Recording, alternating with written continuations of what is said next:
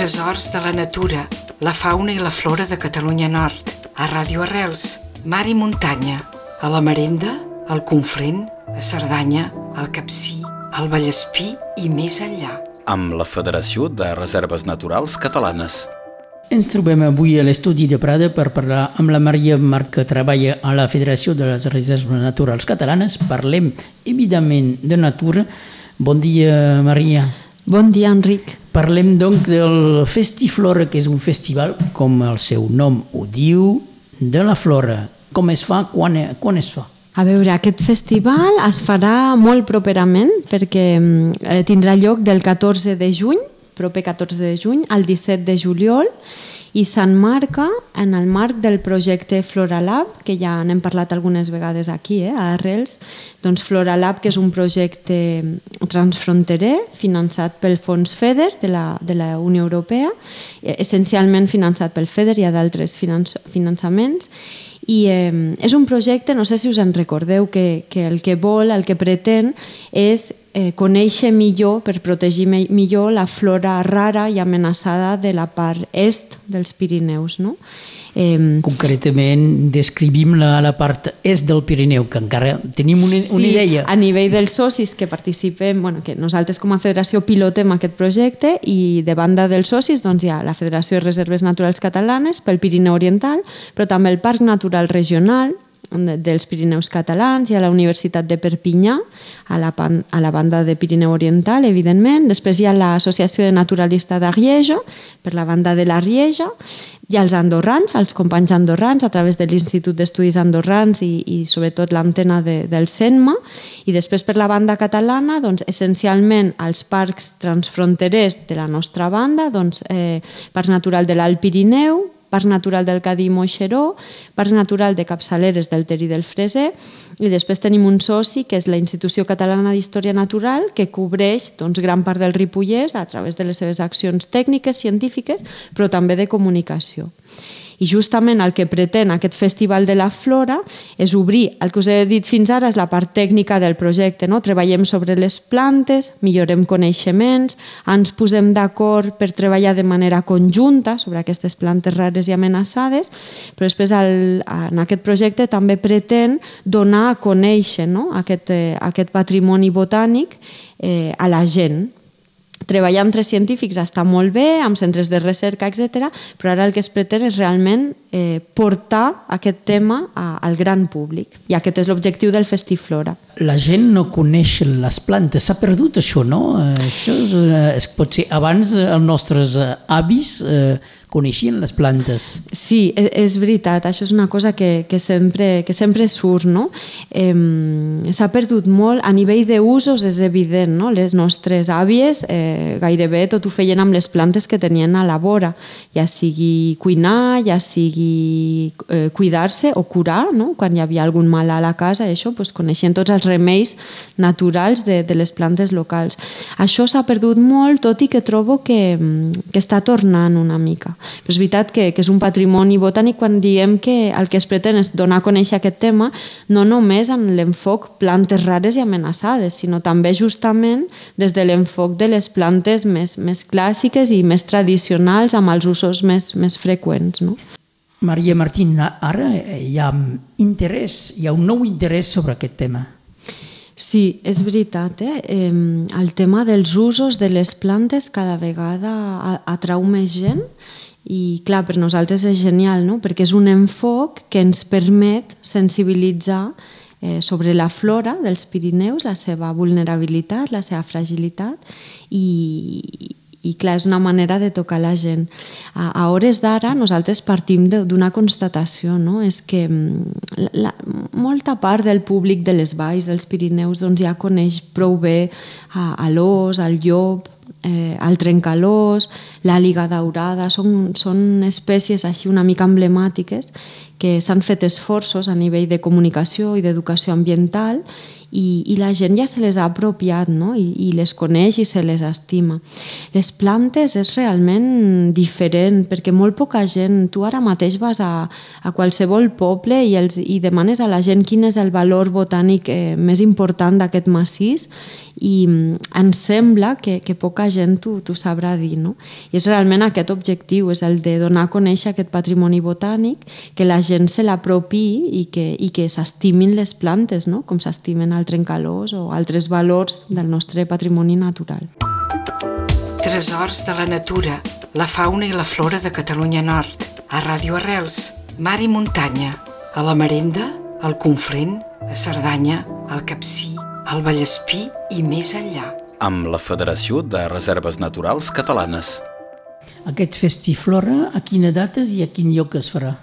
Bueno, de manera molt genèrica, uh, hi ha quatre territoris, és un festival transfrontarer, no? com, que, com deia, el porta el projecte Floralab, i hi ha quatre territoris. A la banda francesa, Pirineus Orientals i Arieja, hi ha Andorra, que està fortament implicada, i després hi ha, la, la, hi ha Catalunya. No? I després, doncs, per anar amb més detall, ja, ja us donaré els elements de comunicació, eh, perquè us feu una idea, hi ha com 100 activitats durant aquest mes de la flora, no? del 14 de juny al 17 de juliol.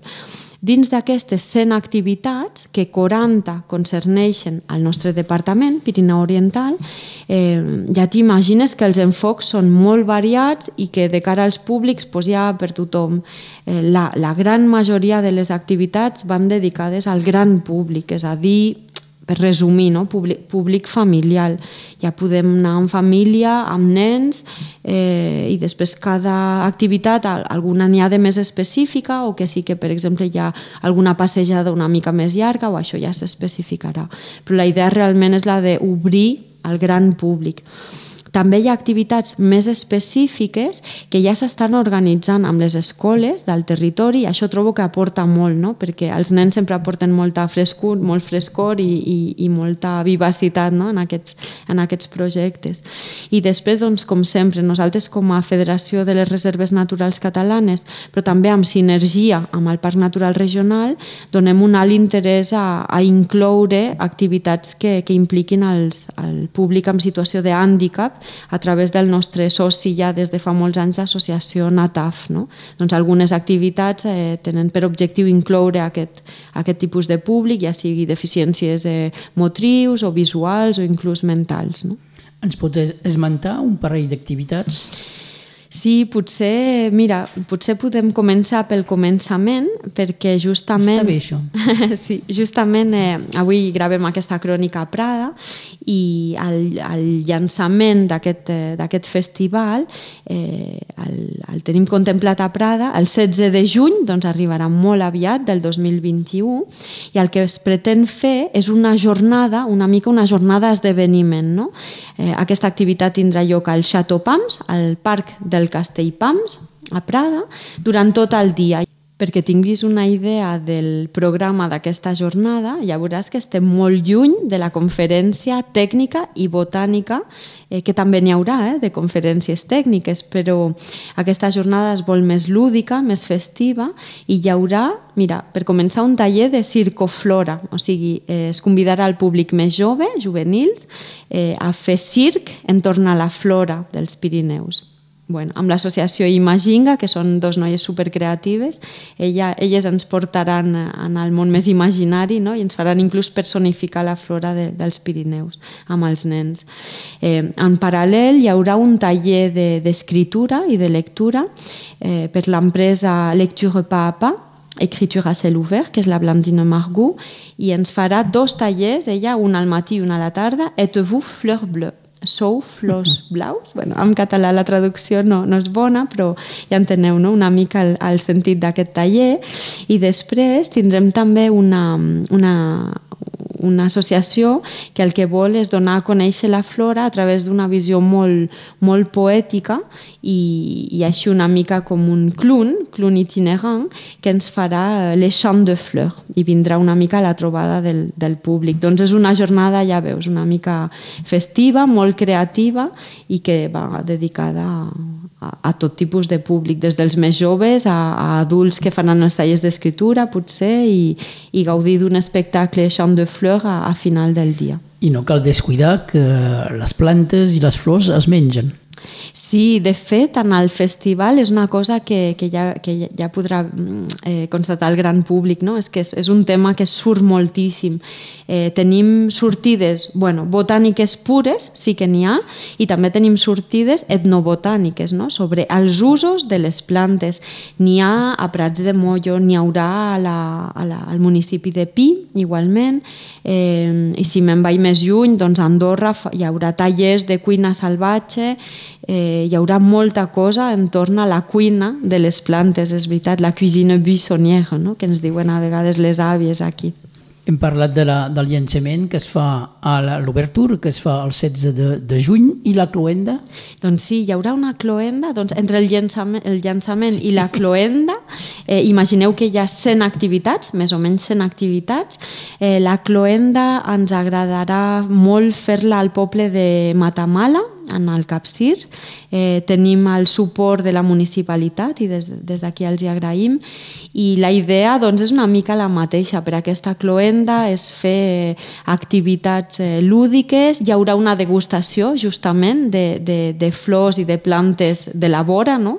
que, que ens ho farà una, una associació també que seretana però que la farem pujar fins allà dalt i bueno, hi haurà també algun taller científic de la mà de Le Petit de Brouillard, que és una associació molt coneguda. Eh, inclús hi haurà aquarela exterior allà dalt, o sigui, realment per tots els públics. Maria Martín, de la Federació de Reserves Naturals Catalanes, però sobretot per avui coordinadora del projecte del Floralab, eh, on se pot trobar les informacions? Bé, avui aquí em parlo una mica en avant-première, però el públic eh, ha de saber que a partir de finals de maig eh, podrà trobar tota la informació corresponent a la nostra web, a la web del projecte, que és floralab.eu Evidentment comunicarem eh, de manera important a xarxes socials. S'està editant el fulletó del festival, igualment que la gent podrà trobar en els ajuntaments, oficines de turisme, a les mediateques, doncs hi haurà una comunicació molt àmplia. I per qualsevol cosa, doncs la persona de contacte per aquí, per la banda Pirineus Orientals, on sóc jo mateixa. Bueno, a la web podeu trobar el meu contacte i jo estic disponible, evidentment, per, per per parlar-ne i per explicar amb més detall el tipus d'activitat, etc. És gratuït, s'ha d'inscriure? Sí, eh, eh aquest festival és 100% gratuït. Eh, és molt important que la gent s'hi inscrigui. Això sí que és, un, eh, és una obligació en el nostre cas. De fet, està, va molt relacionada amb l'actualitat sanitària. Per què? Perquè forçosament ens adaptarem al que sigui l'actualitat la, del moment i si els grups han de ser de nou, per exemple, bueno, de, de 10 persones, diguem, amb l'animador o l'animadora, doncs nosaltres hem de, hem de tenir molta visibilitat de qui vindrà en poder tancar les llistes doncs, quan calgui i que no ens eh, retrobem una mica desbordats. Per exemple, com deies abans, el tema de, de l'ús de les plantes interessa molt. Jo a Noedes ja, ja he animat alguna sortida sobre els usos de les plantes on, on van venir 30 persones. No? Aquest any serem una mica més estrictes en aquest sentit perquè sí que ens caldrà dominar al màxim la, el, el nombre de persones no? que vindran a les activitats. En sortirà una planta anticovid? Mm, no ho sé, la veritat no ho sé. Esperem, esperem que aquesta situació es vagi resolguent i, i que podem avançar no? en els projectes i en les trobades d'aquest tipus. Moltes gràcies, Maria Martín, de la Federació de les Reserves Naturals Catalanes i coordinadora de Floralab. Gràcies a tu, Enric. Fins aviat. Tresors de la natura, la fauna i la flora de Catalunya Nord, a Ràdio Arrels, mar i muntanya, a la Marenda, al Conflent, a Cerdanya, al Capcí, al Vallespí i més enllà. Amb la Federació de Reserves Naturals Catalanes.